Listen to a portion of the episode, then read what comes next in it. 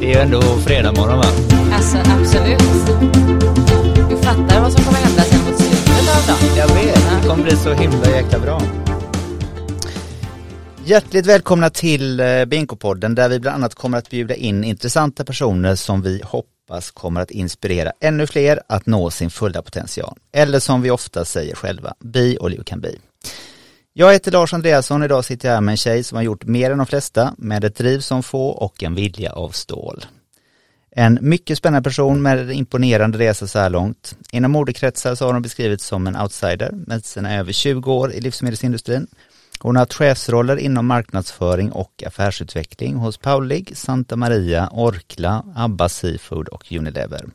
Hon har hunnit med att vara vd för Nedley.com och styrelseledamot i CDON och mecenat. Idag träffar vi en kvinna som trivs med att sticka ut.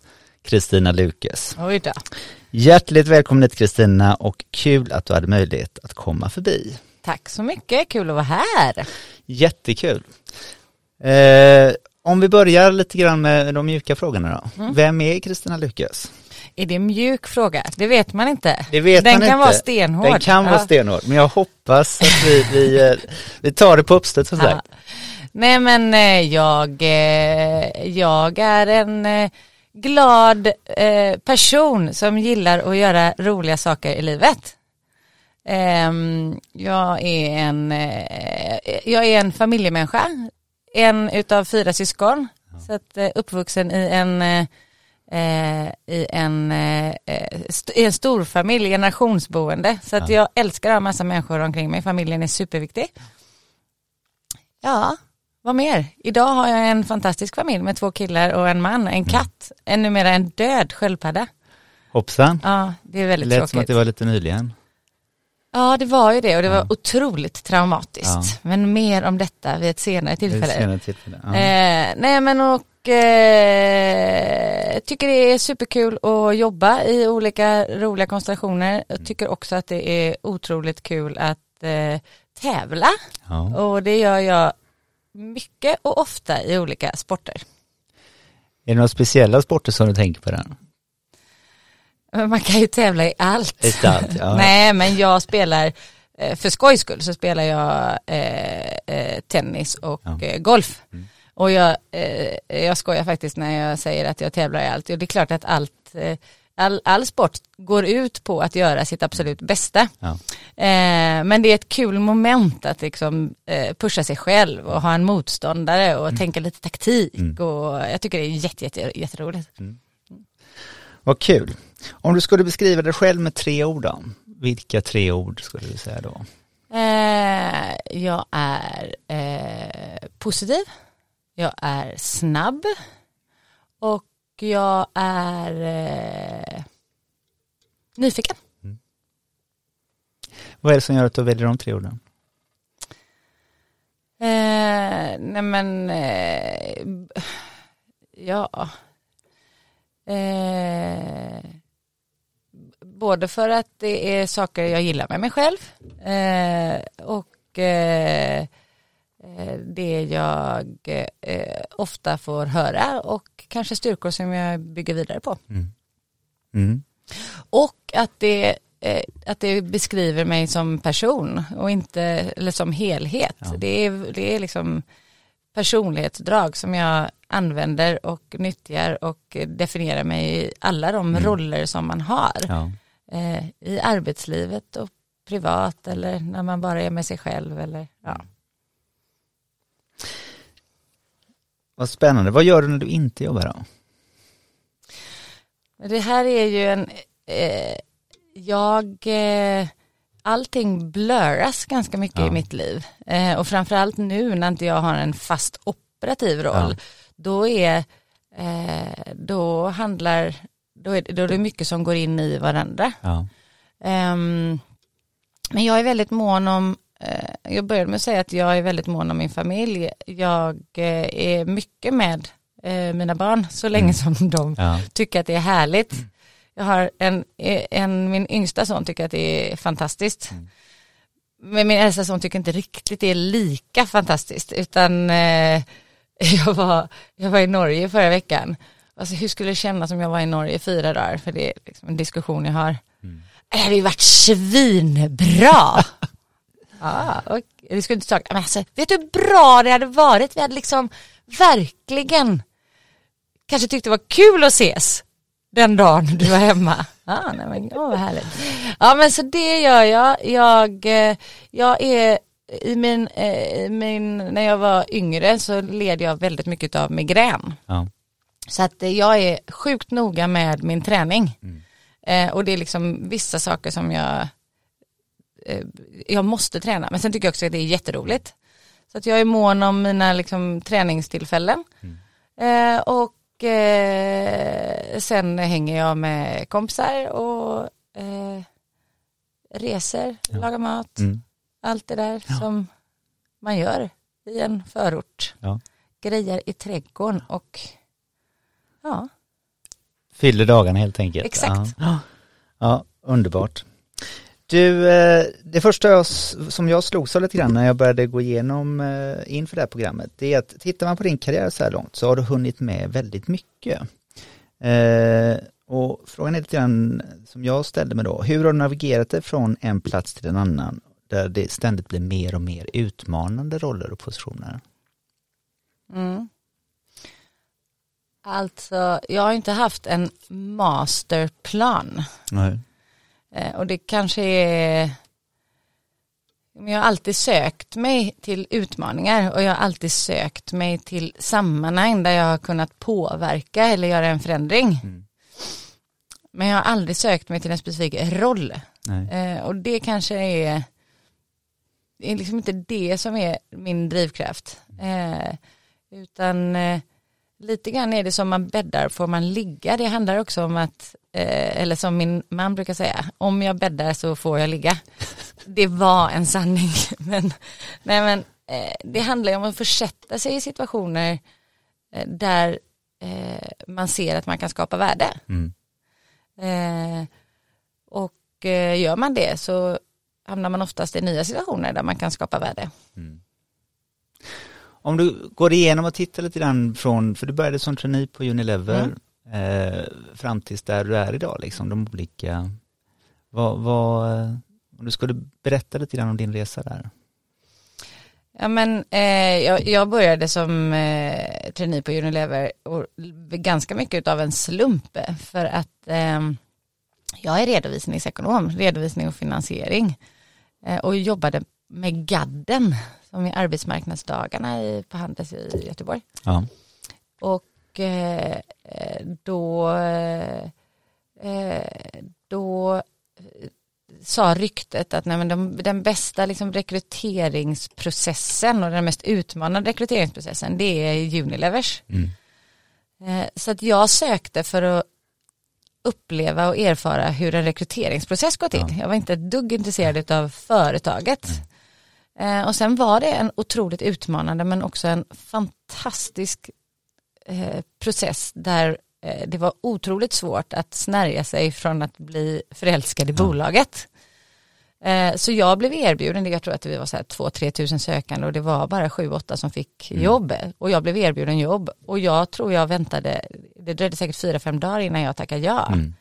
För jag var inte mentalt få, få jobbet. Jag är otroligt glad att, eh, att jag tackade ja. Mm. En fantastisk resa. Eh, ledarskapsmässigt, fortfarande del av den verktygslådan som jag kanske använder mest, som mm. jag liksom fick med mig från Unilever, men också att bygga erbjudande och bygga varumärke. Mm. Eh, och där var jag i åtta superroliga år eh, innan eh, vi flyttade tillbaka till Göteborg. Jag blev gravid, min man jobbade i Rüsselsheim mm. eh, eh inom bilindustrin och jag, eller vi bodde i Stockholm då så att det var så här, åh herregud, var ska det här barnet eh, bo? Mm.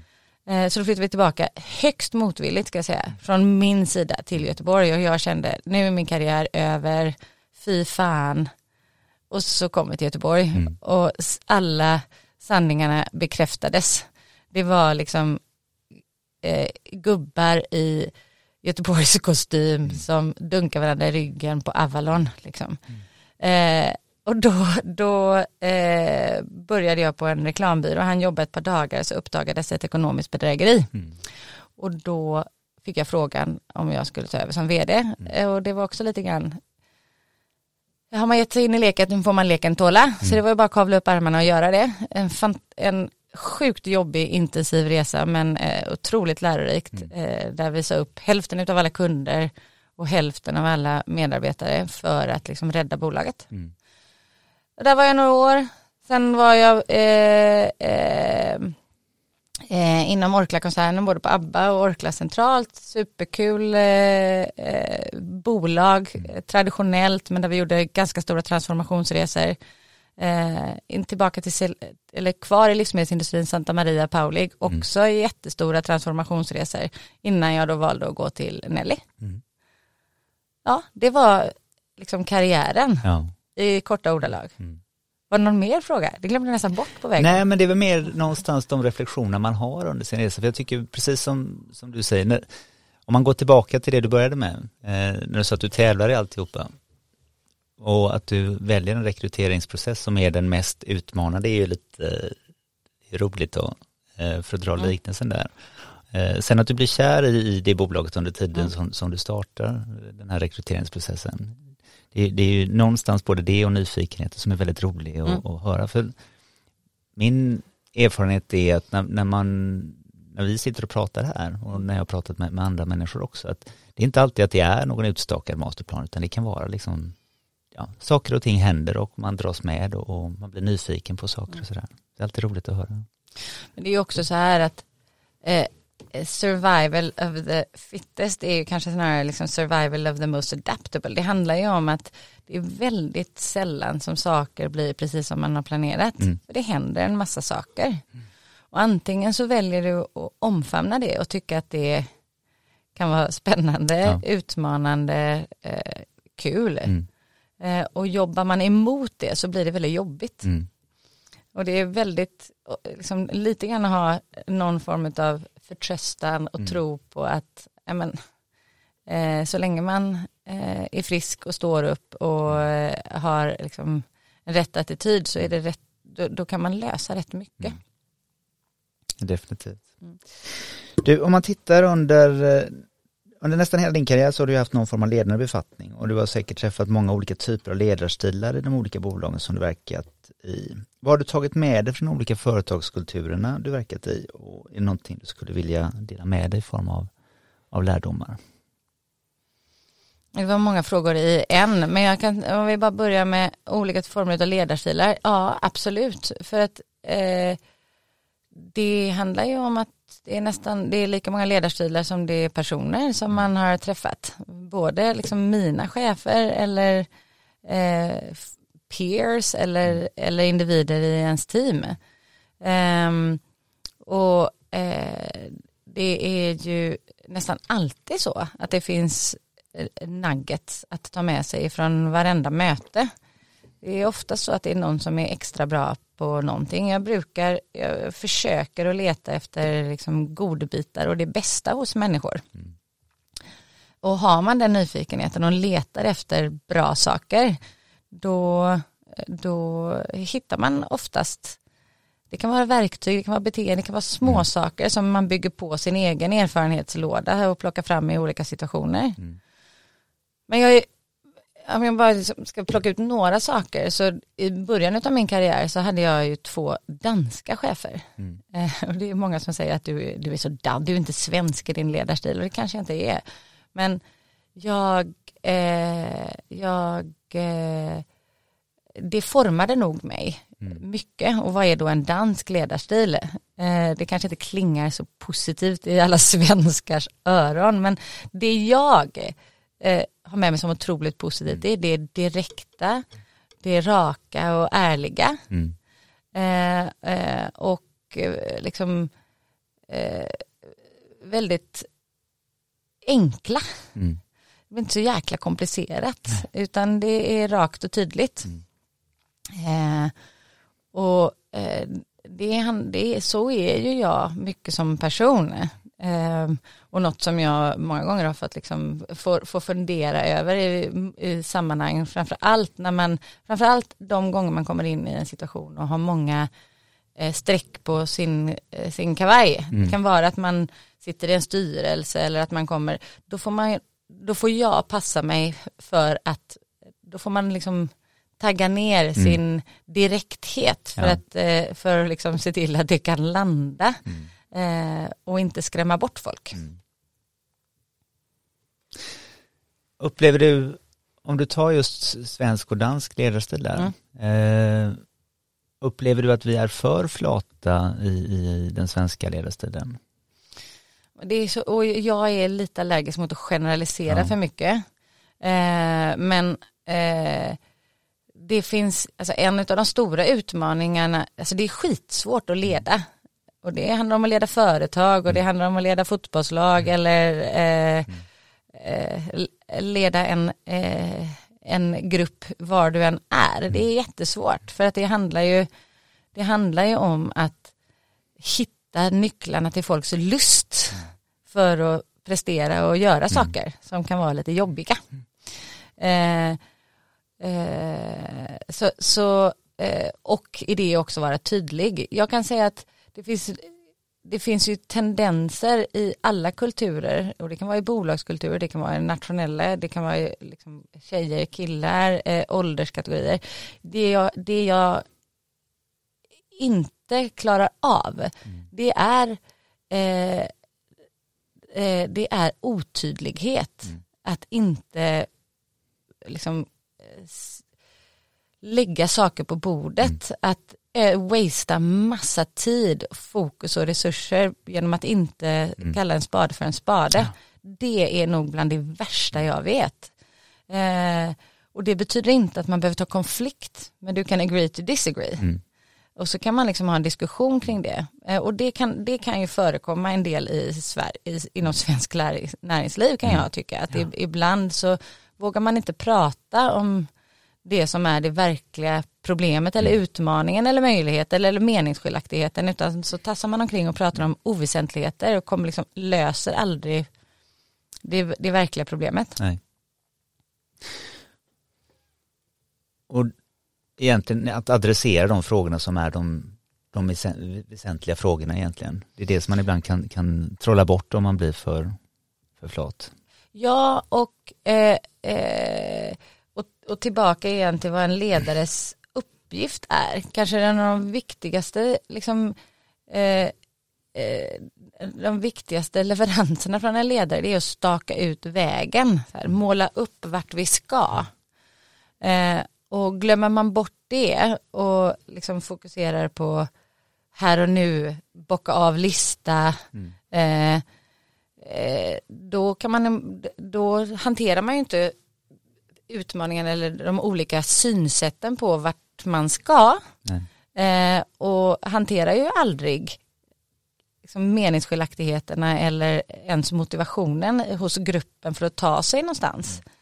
Eh, och samma sak, eh, alltså, ja, det är, jag vet inte om man ska kalla det för flathet, men, men eh, vad är ledarskap och vad är, vad är att ge instruktion? Det är kanske snarare där mm. den skillnaden som... Om man säger så här, under, du har ju varit ledare under, under väldigt många år. Eh, upplever du att eh, det har liksom blivit en skillnad för dig som kvinnlig ledare under de här 20 åren? Liksom har synen förändrats på ledare? Var det, var det annorlunda när du började lite grann som du beskrev i början? Att Utifrån att jag är kvinna menar Precis. du? Eh, ja. Där är jag också lite rädd för generaliseringar ja. men, men eh, det är klart att samhället ser annorlunda ut idag än vad det gjorde för 25 år sedan. Mm. Eh, så det är olika saker som, eh, som är liksom som, som lyfts fram. Men, men eh, nej, det kanske, kanske, kanske du kan se liksom fler förebilder som ledare ja. och det gäller, det gäller kvinnor men det gäller också alla typer av olikheter. Eh, att det finns ledare i olika åldrar mm. och liksom lite olika bakgrund och eh, med olika funktionella mm. eh, expertiser. Allt sånt är ju positivt att det mm. finns förebilder med, med olika bakgrund som både kan inspirera och ge olika perspektiv. Mm. och sen, men sen kanske jag kan säga det, det som sticker ut är ju att vi förmodligen har fler yngre ledare idag än vad det var för 25 år sedan. Mm. Eh, i, i, takt med att det är liksom entreprenörskapet har vuxit sig ännu starkare i Sverige så är det liksom många fler ledarprofiler som är yngre. Det var mm. inte så många liksom ledare som kom fram i varken media eller i liksom samhället i stort som mm. var unga. Det tycker jag är superpositivt ja. och utmanande och roligt. Ja. Men upplever du att vi sticker ut där i Sverige gentemot andra länder? Nej. Eller är det en trend generellt? Nej, det, det tror jag inte. Så det, det, har ju varit vissa frågor som har drivits eh, eh, alltså, både utifrån ett hållbarhetsperspektiv att säkerställa att, att eh, liksom det är samma rättigheter och möjligheter för, eh, för alla människor och det handlar ju om att eh, skapa ledarförebilder och plocka fram ledarförebilder med olika typer av bakgrund. Mm. Så nej, den är generell skulle jag säga. Ja. Om man nu tar då i, i, olika ledare, för nu pratar vi lite grann om, om eh, ja, danska ledare och, och lite om, om, svenska och sånt där. Om du tittar på olika typer av internationella miljöer, mm. känner du att det finns några andra sådana särdrag som, som, eh, som du upplevt som du tycker att, men, eh, jag kan uppleva själv att när man kommer till en ny kultur, mm.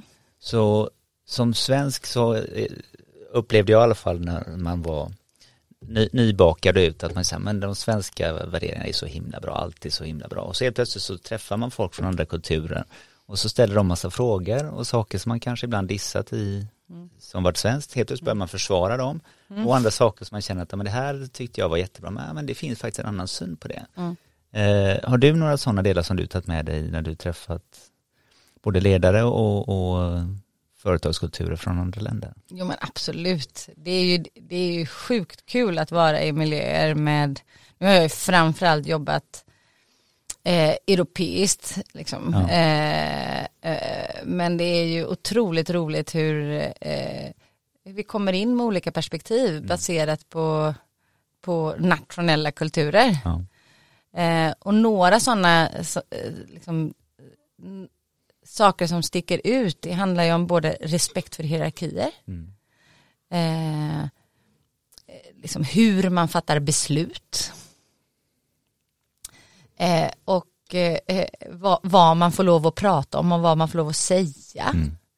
Eh, och, och, det gäller ju att ha lite koll på det där. Alltså. Mm. Eh, och det, det, det, är inte helt fel att åka på några nitar där man har trott att oj vi var överens om det här eller ja. Eh, men återigen som i all form av ledarskap så handlar det om att prata om det och synliggöra det. Mm. Jag hade eh, ryss, eh, jag hade en eh, ett eh, stort ryskt team och en rysk marknadschef en gång som liksom ja, det blev så otroligt tydligt den här respekten för hierarkier. Man får svårt att, man fick liksom, eller jag fick etablera väldigt tydligt kring att nu ska vi prata om en sak och din röst är lika mycket värd som vad min är. Ja. Och nu utmanar vi varandra här för att liksom hitta en lösning kring det här problemet vi har. Mm. Och det jag säger är inte facit. Liksom. Mm. Eh, och att, att guida varandra i nu, nu gör vi det här mm. eh, och det här är spelreglerna för den här diskussionen. Men att prata om, jag, jag minns en sån sjukt rolig, vi satte upp en helt ny struktur för en, eh, för en produktionsenhet. Det här var inom Santa Maria mellan Belgien och Sverige. Det har varit ganska stökigt alltså, i samarbetet.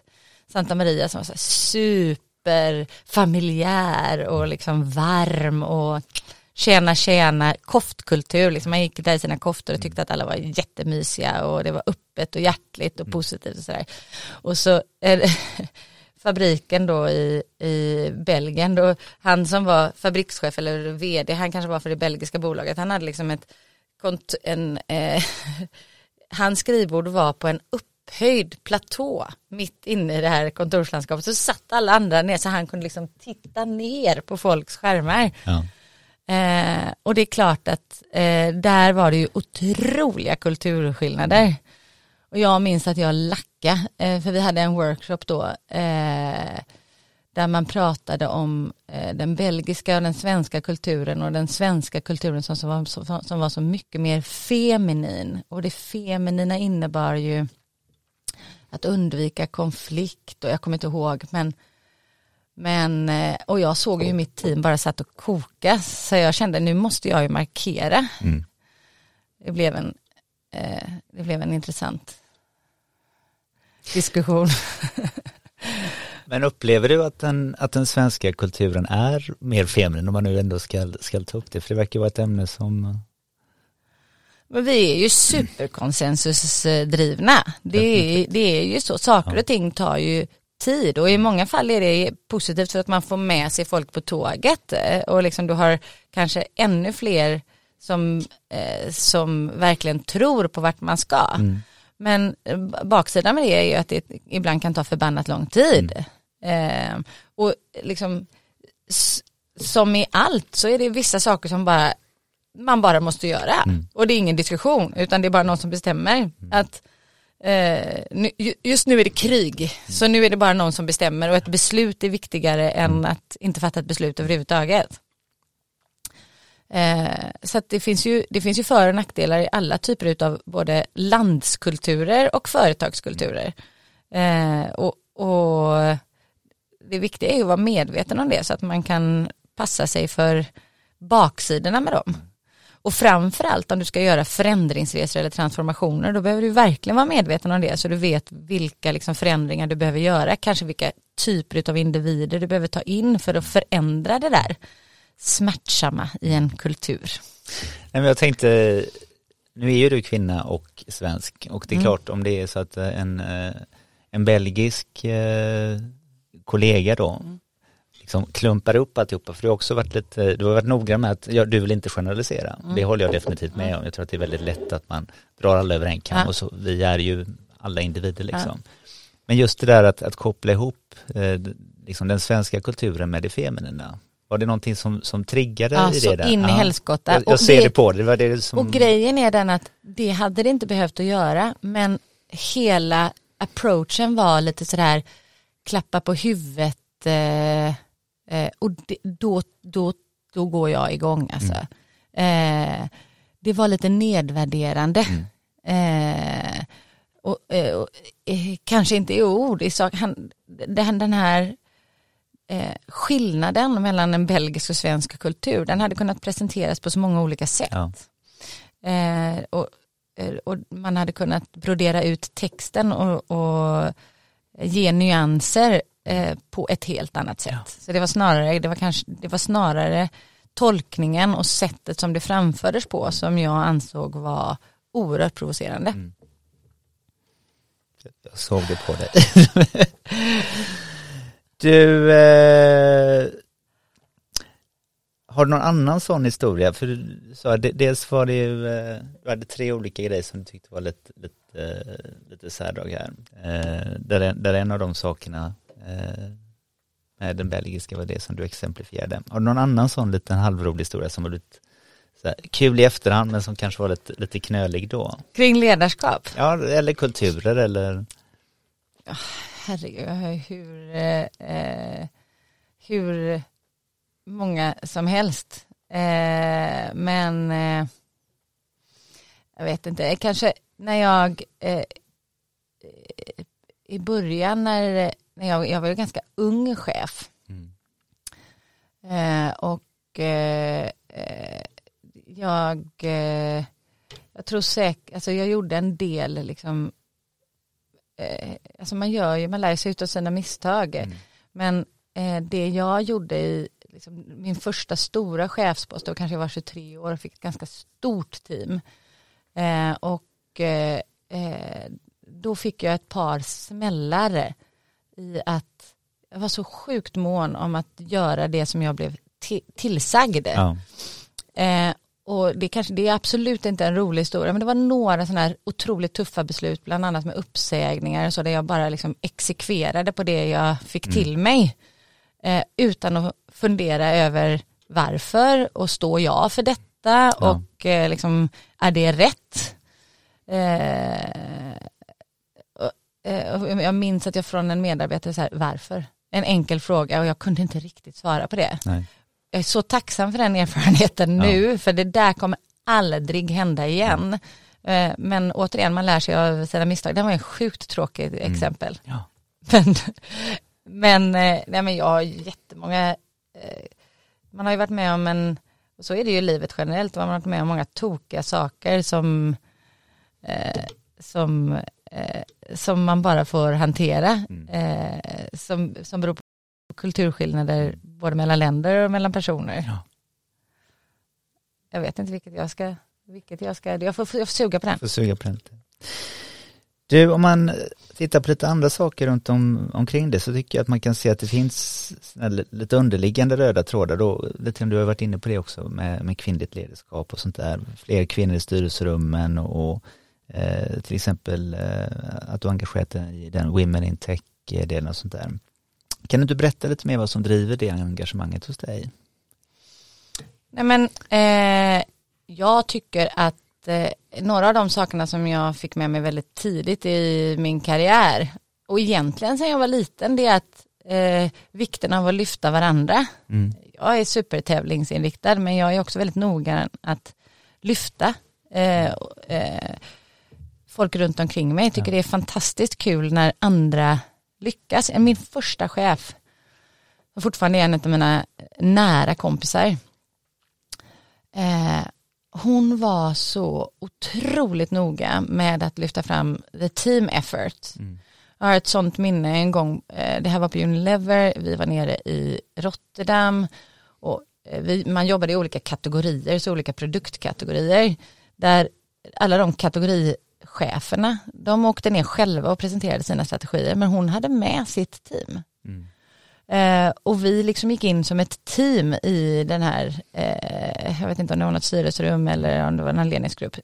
Ointressant, men herregud vilket commitment. Hon stod ju helt bakom och man visste att, man allt, att hon hade alltid ens rygg. Kunde man få sig liksom så här på riktigt, för helvete Lundström kunde hon ibland säga Ja. till mig, eh, eh, liksom efteråt bakom lyckta dörrar. Men man hade alltid, hon var så otroligt noga att lyfta fram och sätta mig i sammanhang som, eh, som var positiva för mig. Ja. Det skapar ju en enorm lojalitet eh, och det stärker ju hela teamet. Mm. Så det försöker jag vara aktiv med. Det är att lyfta fram eh, folk runt omkring mig och det i många fall är det ju eh, många tjejer men det är killar också eh, och i olika åldrar. Eh, men att vara noga med att liksom, eh, highlighta olika individers styrkor och sätta dem i kontexter som kan vara positiva. Mm.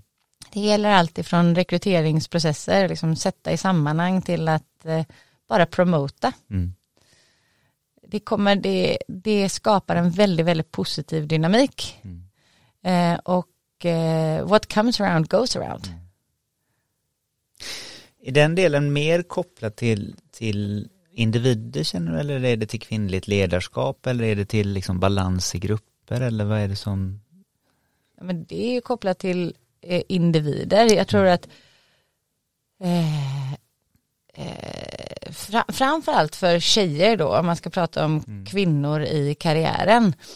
Eh, så med tanke på att det fortfarande finns en underrepresentation av kvinnliga ledare generellt och på många olika positioner eh, så, så kan man ju lätt dra slutsatsen att kvinnor behöver fortsatt eh, supporta varandra. Och det behöver inte vara exklusivt, liksom att nu ska vi upp till någon kvinnokamp, för det är jag lite allergisk mot. Men eh, däremot så behöver kvinnor bli bättre på att promota sig själva och bli bättre på att promota varandra. Eh, eh, och det försöker jag göra aktivt. Och det jag försöker eh, försätta mig i situationer där jag eh, eh, där jag har möjlighet att göra det. Och liksom vårdar mitt nätverk och bygger mitt nätverk kring duktiga kvinnliga ledare. Det är mycket enklare med det, liksom ett traditionellt eh, liksom, traditionella ledarkretsar där det är många män. Det är Mm. enklare, det är, det är väldigt mycket mer etablerat, inte lika mycket nu, men det var mer etablerat. Så därför behöver man kanske ge en extra liten push för att säkerställa att olika typer av individer kommer fram. Mm. Men det gäller inte bara, ja du hör att jag blir lite så här, åh kvinnligt, jag blir här. Men det gäller alla typer utav olika, det, det är osunt och det blir osunda miljöer när det blir för likriktat. Mm. Det gäller, det gäller alla typer utav konstellationer. Och dåliga beteenden ursäktas när alla är, liksom, gör på ett visst sätt. Det är alltid bra med nya perspektiv. Så eh, orka utsätta sig själv för nya perspektiv är ju sjukt viktigt. Mm. Eh, och då gäller det inte heller fastna i alla vi kvinnor i 40-årsåldern som, som utan att, att faktiskt sätta det i, i andra konstellationer där, där man kommer med andra perspektiv. Mm. Jag kan tycka, jag har ju fortfarande en bild av mig själv att vara ung kvinna, det är smärtsamt medveten att jag inte är det. Men där jag försöker att hamna i kontexter med riktigt duktiga unga eh, entreprenörer. Mm. Eh, för att bara, herregud, det är, det, liksom, det är de här temana som diskuteras, det är de här perspektiven, det är det här som värderas. Mm. Ehm, det är svinjobbigt, Mm. men så lärorikt. Men det låter som att drivkraften kanske ännu mer är att se till att vi får de här dynamiska miljöerna Mm. med, med eh, ja, man ska säga, sköna individer som faktiskt kan ge olika typer av perspektiv, både när det gäller ålder eller, eller kön. Snar, snarare än att det bara är liksom en, en eh, eller jag ska inte säga bara, för jag, jag håller med dig om att eh, det är väldigt viktigt att vi får många olika typer av förebilder. Så att man Exakt. inte känner sig liksom begränsad av att men det där kan inte jag för det finns ingen som. Någon måste ju vara den första. Eh, och det är klart, nu har vi mycket bättre balans än vad vi hade för, för 20 år sedan. Det är därför jag har ställt de frågorna som, som jag ser också att det har gått åt rätt håll. Men det är ju alla typer av förebilder. Jag har, min yngsta har eh, samhällskunskapsprov idag och då pratade vi också om liksom, det var fyra olika kategorier som kunde påverka huruvida man hamnade i kriminalitet eller inte. Men då pratade vi just om vikten av förebilder. Eh, eh, och att det, är väl, att det är många idag som behöver känna igen sig själva.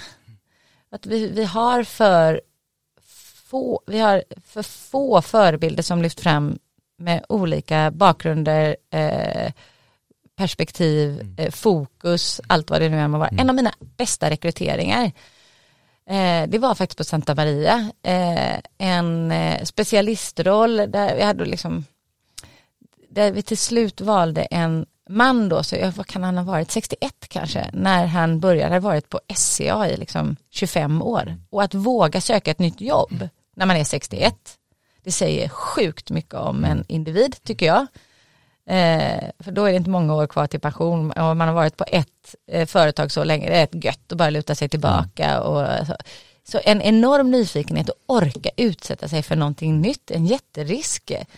Men vilket värde till gruppen. Mm. Och det var lite, eh, det var en i mitt team som var ansvarig för den rekryteringen. Hon, hon mötte på lite liksom, motstånd, det var alltid från HR som sa, men liksom, Mm. hur länge kommer han vara kvar och vi, sådär. Men hon orkade stå på sig och vilken, vilket värde. Det var så viktigt för hela den avdelningen som var relativt likriktad. Det var många som har varit liksom på liknande typer av bolag ungefär samma ålder. Någon, alltid någon som vabba Ja. och sådär. Eh, men shit alltså. Eh, vad det gjorde. Mm. Och så kan man tänka eh, och våga tänka och framför allt i den marknadssituationen som vi befinner oss i nu. Mm. Utmanar vi är på väg in liksom, i en lågkonjunktur då, då är det alltid de safea betten. Eh, det ska vara någon som har gjort exakt samma sak helst som man ska rekrytera till varje istället för att orka höja blicken Mm. och fundera på vad som egentligen är möjligt. Ja, det är väldigt lätt att alltid välja de, de säkra. Eh, men det är inte alltid det bästa. Nej, eh, det är ju eh, inte det. Nej. Och lite tillbaka till eh, vad man är ute efter är du väldigt tydlig med att det är en viss typ av uppgift som ska göras. Men om du söker en ledare då är det ganska bra att det är någon som inte har gjort Mm. exakt samma sak tidigare. Du har ju berättat om, om några exempel i, eh, i din karriär. Spännande människor och, och, och sådana som har format dig. Vad, om du tar, skulle ta några fler exempel, vad, vad är det för människor som har format Kristina till den du är idag? Eh, och vad har du tagit med dig där? Men, eh, jag, eh, jag har haft förmånen att eh, ha väldigt många förebilder genom hela min karriär. Mm. Och det är alltifrån chefer till eh, medarbetare som, eh, som eh, har inspirerat både genom sättet att vara och specifika kunskaper och vågan att, liksom, för- förmågan att utmana och ständigt utvecklas. Men sen har jag några exempel på liksom, beteenden som jag inte känner att jag vill Nej. vara med om. Eh, och, och, och det, är, det är starkt kopplat till moral och etik. Jag har alltid sett mig själv som ganska mycket, jag visst jag har varit väldigt mycket storbolag men jag är lite av en cowboy i storbol, storbolagsmiljöerna. Mm. Eh, men eh, moral och etik och att stå för det du säger och kunna liksom eh, eh, ha, ha, kunna somna gott på kvällen. Mm. Sjukt viktigt. Mm. Eh, och där var jag, där, där framför allt när jag eh, började, i- liksom, när jag lämnade Unilever och in i byråvärlden. Mm. Var mindre bolag, eh, liksom konsultbranschen. Eh, branschen. äh, det var rätt mycket shady eh, affärsuppgörelser. Mm. Mina pengar, bolagets pengar, mm, vad är vad. Eh, hur gör man affärs, hur sätter man upp strukturer och vem tjänar pengar på vad och vad säljer man egentligen och sådär. Eh, där i sådana miljöer trivs jag inte. Nej. Utan eh, då blir jag, då blir jag liksom lite obstinat. Eh, för att det är vissa saker som är svarta eller vita. Eh, och jag mår inte bra av att befinna mig i ett gränsland där jag Nej. behöver tolka. Utan jag behöver känna att liksom, moraliskt och etiskt, där, det behöver vi inte ens diskutera Nej. utan det sitter så då kan vi debattera andra saker. Ehm, så det, det blev också en otroligt viktig lärdom att i en sån miljö vill jag inte vara. Nej. Sen, sen har jag haft förmånen att arbeta med, eh, jag är otroligt lustdriven. Mm. Jag tycker det är otroligt viktigt att brinna för mitt uppdrag. Och, och jag, jag är en ganska enkel människa så jag behöver också fatta vad det är jag håller på med. Eh, så därför har jag varit mycket i produkt, liksom, Ja. jobbat med produkter, eh, komplicerade system och sådär, ju lost mig. Mm. Eh, så att liksom, behöver förstå kundvärdet och känna att ja, men här kan jag förstå, även om inte jag är kund, förstå hur man skapar värde. Mm. Eh, och där har jag haft eh, många förebilder i att vikten att ha kul. Eh, och känna passion och liksom leva det man säljer eller det värdet man skapar. Eh, liksom, eh, ta Santa Maria som ett exempel, liksom, passionen för mat och smak och liksom, vikten och tiden att lägga runt just mat och matlagning och smak och smakutveckling, vad det gör med en kultur. Ehm, så oerhört tacksam för det. Mm. Också haft helt galna chefer som, som eh, bara skapar en miljö som, eh, som eh, avväpnar och eh, ett skratt förlänger livet men ett skratt gör också väldigt mycket eh, för en grupp Mm. I att få energi och kraft att ta sig an liksom, tuffa uppgifter som man ofta har när man driver företag. Vad gör Kristina för att nå sin fulla potential? Då? Vad brukar du ha för knep? Äh, men eh, det börjar ju med att, eh, att tro på sig själv. Mm. En av som, som ledare, en av dina viktigaste uppgifter, det är naturligtvis att staka ut vägen, men det handlar också om att bygga självförtroende i en grupp och bygga självförtroende hos en individ. Mm. För många gånger så använder vi inte vår fulla potential utan vi ligger där och presterar på 50-60 och det som håller oss tillbaka det är att vi kanske inte vågar eller inte tror på oss själva eller eh, liksom är rädda för att misslyckas. Mm. Så eh, att stärka sitt eget självförtroende och stärka gruppens självförtroende det är kanske det absolut viktigaste mm. och hur fasen gör man det? Mm. Det finns ju inte en hemlig formel. Men det är ett par olika saker. Mm. Det handlar om att eh, eh, peppa sig själv, mm. Fokusera på det som är positivt, mm. försöka liksom stanna upp och fundera över det som man har gjort bra mm. eller det som var ett bra försök mm. eller eh, liksom fokusera på det positiva. Mm. Eh, och att också omge sig med människor och försöka stanna kvar eller vara i situationer där du som person både uppskattas och kan eh, komma till din rätt. Mm. Så det är kanske det viktigaste ja. tipset. Mm. Om du skulle ge dig själv ett tips när du, liksom, om, om du skulle i, idag ge ett tips till dig själv eh, när du startade din karriär, vad hade det varit då? Mm. Men eh, jag tycker inte att man ska ångra en eh, massa saker för att det kommer lärdomar ifrån alla situationer man har varit i. Men eh, jag, eh, jag tror att i vissa lägen så kan jag vara ganska tuff och kritisk mot mig själv